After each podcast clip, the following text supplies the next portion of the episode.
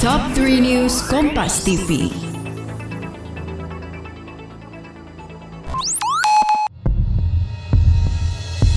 Rasain nih panasnya rokok gue. Mm. Pembajakan! Pembajakan! Mm, lepas! Lepas! Diam! Dengarkan podcast Tinggal Nama setiap hari Selasa dan Kamis. Persembahan video podcast network by KG Media hanya di Spotify. Saat semuanya sudah terlambat.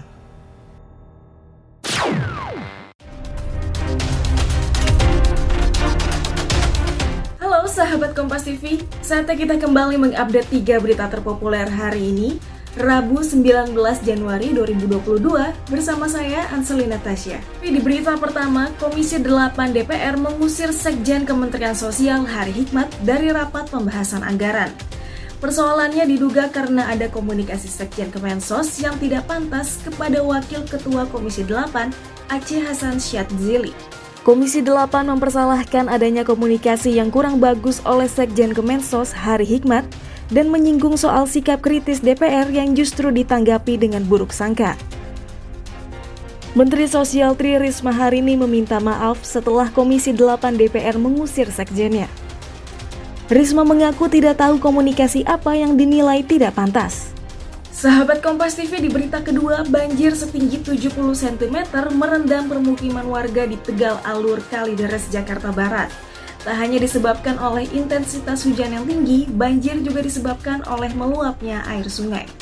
Banjir setinggi 70 cm terlihat merendam permukiman warga di Jalan Manyar, Tegal Alur, Kalideres, Jakarta Barat.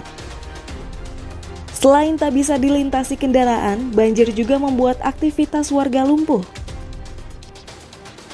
Guna mengurangi debit air yang menggenangi permukiman warga, petugas dari Sudin Sumber Daya Air Pemkot Jakarta Barat mengerahkan satu unit mesin pompa untuk melakukan penyedotan air untuk dibuang ke kali. Sahabat Kompas TV di berita terakhir, aksi saling dorong dan kericuhan mewarnai aksi demo ratusan pengungsi asal Afghanistan di Jalan Medan Merdeka Selatan, Gambir, Jakarta Pusat.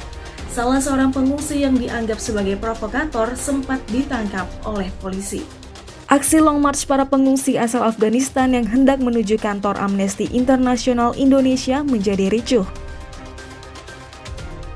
Upaya menerobos penjagaan pun membuat aksi saling dorong antara para pengungsi dan petugas tak terhindarkan. Bahkan sejumlah anak dan balita yang ikut dibawa para pengungsi nyaris terjepit saat aksi saling dorong terjadi. Nah sahabat Kompas TV, itu dia tadi tiga berita terpopuler yang terjadi pada hari ini. Kalau begitu saya pamit undur diri dulu. Terima kasih, sampai berjumpa di Top besok.